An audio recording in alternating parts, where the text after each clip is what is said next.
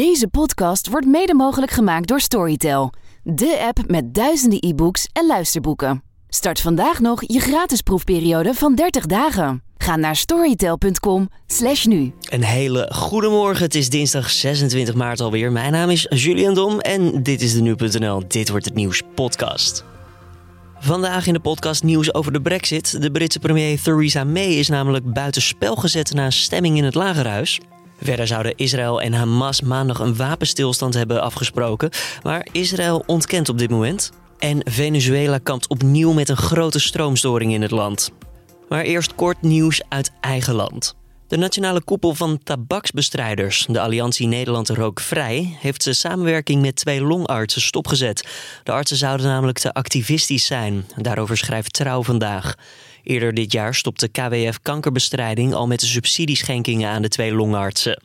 De Alliantie Nederland Rookvrij is een samenwerkingsverband van 155 bedrijven, gemeenten, ziekenhuizen en artsenverenigingen. Volgens de voorzitter wil de alliantie een verbindende factor zijn. De twee artsen gaan op hun eigen website hard in tegen de tabaksindustrie. De politiek zou volgens hen te weinig doen om de bevolking hiertegen te beschermen. Een van de artsen meldt tegenover Trouw erg aangeslagen te zijn door het verbreken van de samenwerking. Dan de Brexit. Ja, de Britse premier Theresa May is maandagavond verder buitenspel gezet na een stemming in het Britse lagerhuis. Daar werd de weg vrijgemaakt voor een niet bindende stemming over verschillende Brexit-opties. Dat betekent dat er zonder de premier gedebatteerd zal worden over de Brexit. Voor May is dat een aderlating, aangezien zij dat plan aanvankelijk niet zag zitten. Woensdag wordt er in het Lagerhuis nu gedebatteerd en gestemd over scenario's als bijvoorbeeld een nieuw referendum.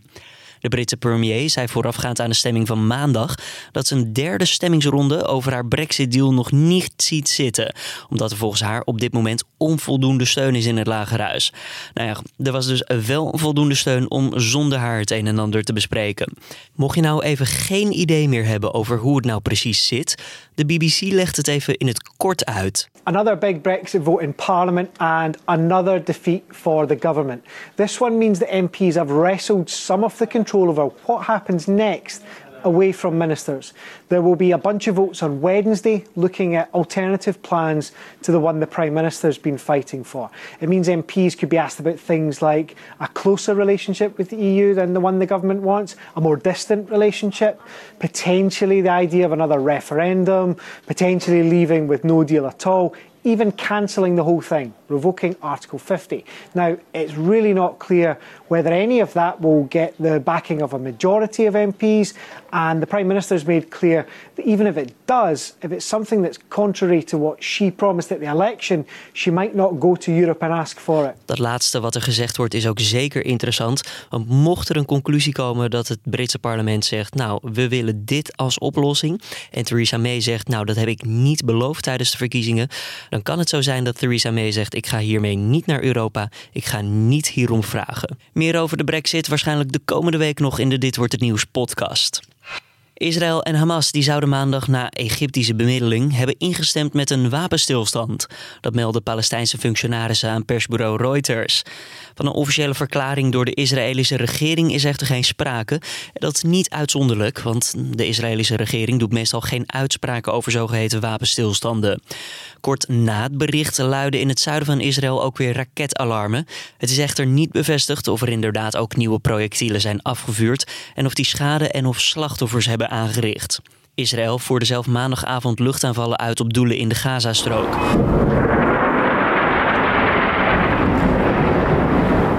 Breaking news on our world lead now. The Israeli military hitting targets in Gaza in response to a Hamas rocket attack that injured people inside a home near Tel Aviv. De Israëliërs zouden onder meer het kantoor van een van de partijleiders van Hamas hebben bestookt. Al was hij vermoedelijk op dat moment niet aanwezig in het gebouw. De lokale autoriteiten melden dat vijf mensen gewond zijn geraakt in het Palestijnse kustgebied. Dan Venezuela. Het land kampt opnieuw met een grote stroomstoring. Dit keer zijn zeker acht van de 23 staten in het land getroffen, evenals het hoofdstedelijke district. Zo is er onder meer geen stroom in het Venezolaanse parlement beschikbaar. Volgens het Venezolaanse ministerie van Informatie is de storing het gevolg van een aanval op de grootste hydro-elektrische dam. Verdere details over die vermeende aanval bleven uit. Het ministerie zei verder dat de regering probeert de problemen zo spoedig mogelijk te verhelpen. Sommige winkeliers in de hoofdstad Caracas sloten vanwege de storing snel hun deuren, mogelijk uit angst voor plunderingen. Ook het openbaar vervoer kwam deels plat te liggen, waardoor de bussen, die wel gewoon konden rijden vanwege hun benzinemotoren of, of dieselmotoren, overvol raakten.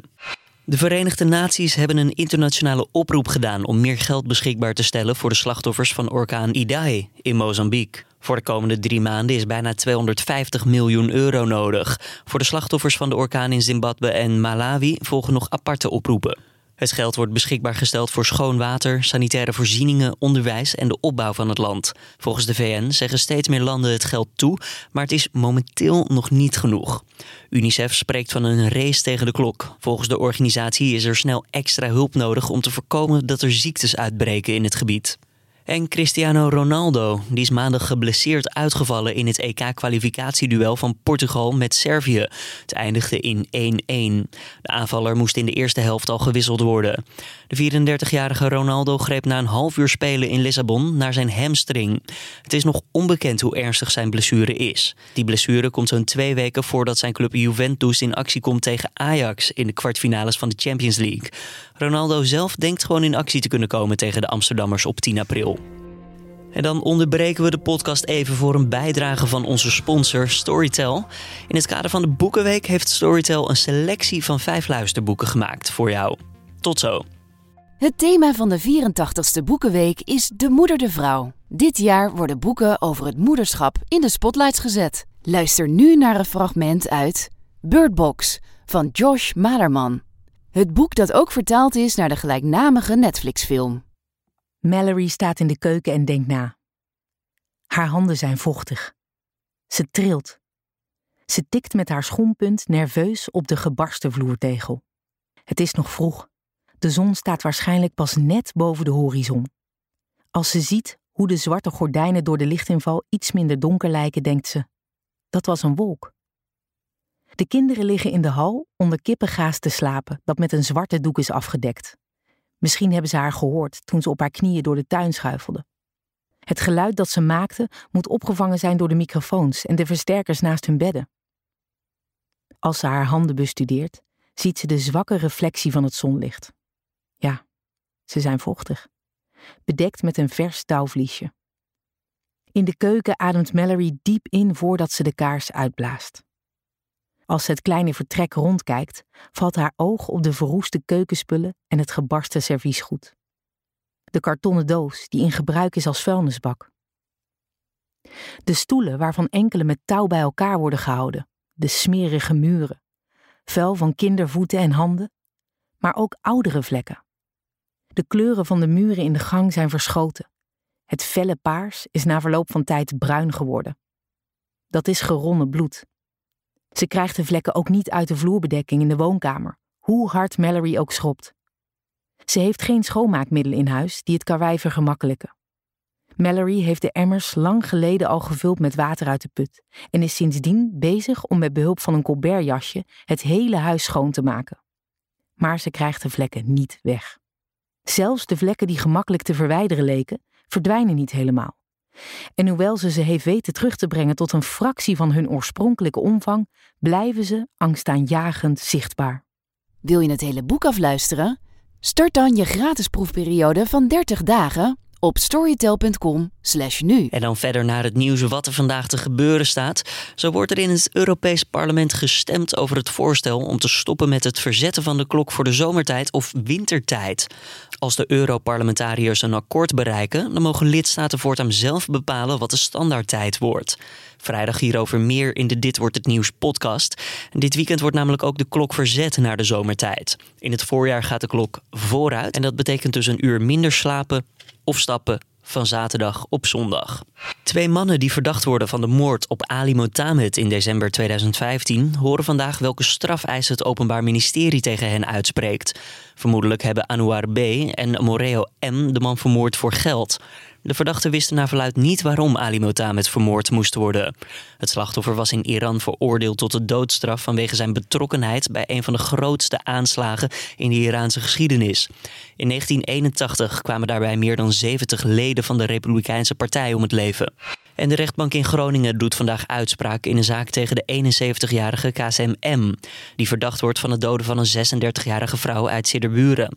Zij verdween in 2010 spoorloos. Het Openbaar Ministerie eiste eerder een celstraf van 12 jaar. De bejaarde man zou de vrouw vermoord hebben en vervolgens haar lijk hebben weggemaakt. En dan nog even het weer van deze dinsdag, de 26e. Ja, het wordt vandaag een bewolkte, maar gelukkig wel een beetje een droge dag. De zon die komt af en toe tevoorschijn en het wordt zo'n 10 graden. En dan nog even dit. Misschien heb je het gisteren gehoord, maar er komt weer een nieuwe streamingsdienst aan. Dus naast Netflix, Amazon Prime en wie weet wat je nog meer hebt, kan je nog een keer een abonnement afsluiten. Ditmaal voor de dienst Apple TV Plus. Onder andere regisseur Steven Spielberg, actrices Reese Witherspoon, Jennifer Aniston en acteur Steve Carell hebben een samenwerking gesloten met Apple. Maar ook Oprah Winfrey. I've joined in order to serve this moment because the Apple platform allows me to do what I do in a whole new way, to take everything I've learned about connecting to people to the next level. Because they're in a billion pockets, y'all, a billion pockets. Apple TV Plus zal in de herfst beschikbaar worden in 100 landen. Nederland is nog niet specifiek genoemd, dus dat moeten we nog even afwachten of we bij het begin ook zitten. En het is ook niet bekend hoe duur de abonnementsdienst zal zijn. In onze Tech-podcast, de week van Nu Tech, zullen we de streamingdienst van Apple later deze week ook uitgebreid behandelen. En dit was hem dan weer voor deze dinsdag, de Dit Wordt Het Nieuws podcast. Elke maandag tot en met vrijdag, je kent het inmiddels wel hè. Ochtends om 6 uur op de voorpagina van nu.nl. Wat vond je van de aflevering? Dat kan je ons laten weten via podcast nu.nl. We zijn dol op feedback en we doen er echt wat mee. Nou, mijn naam is Julian Dom en ik wens je dan voor nu een hele goede dinsdag en wederom tot morgen.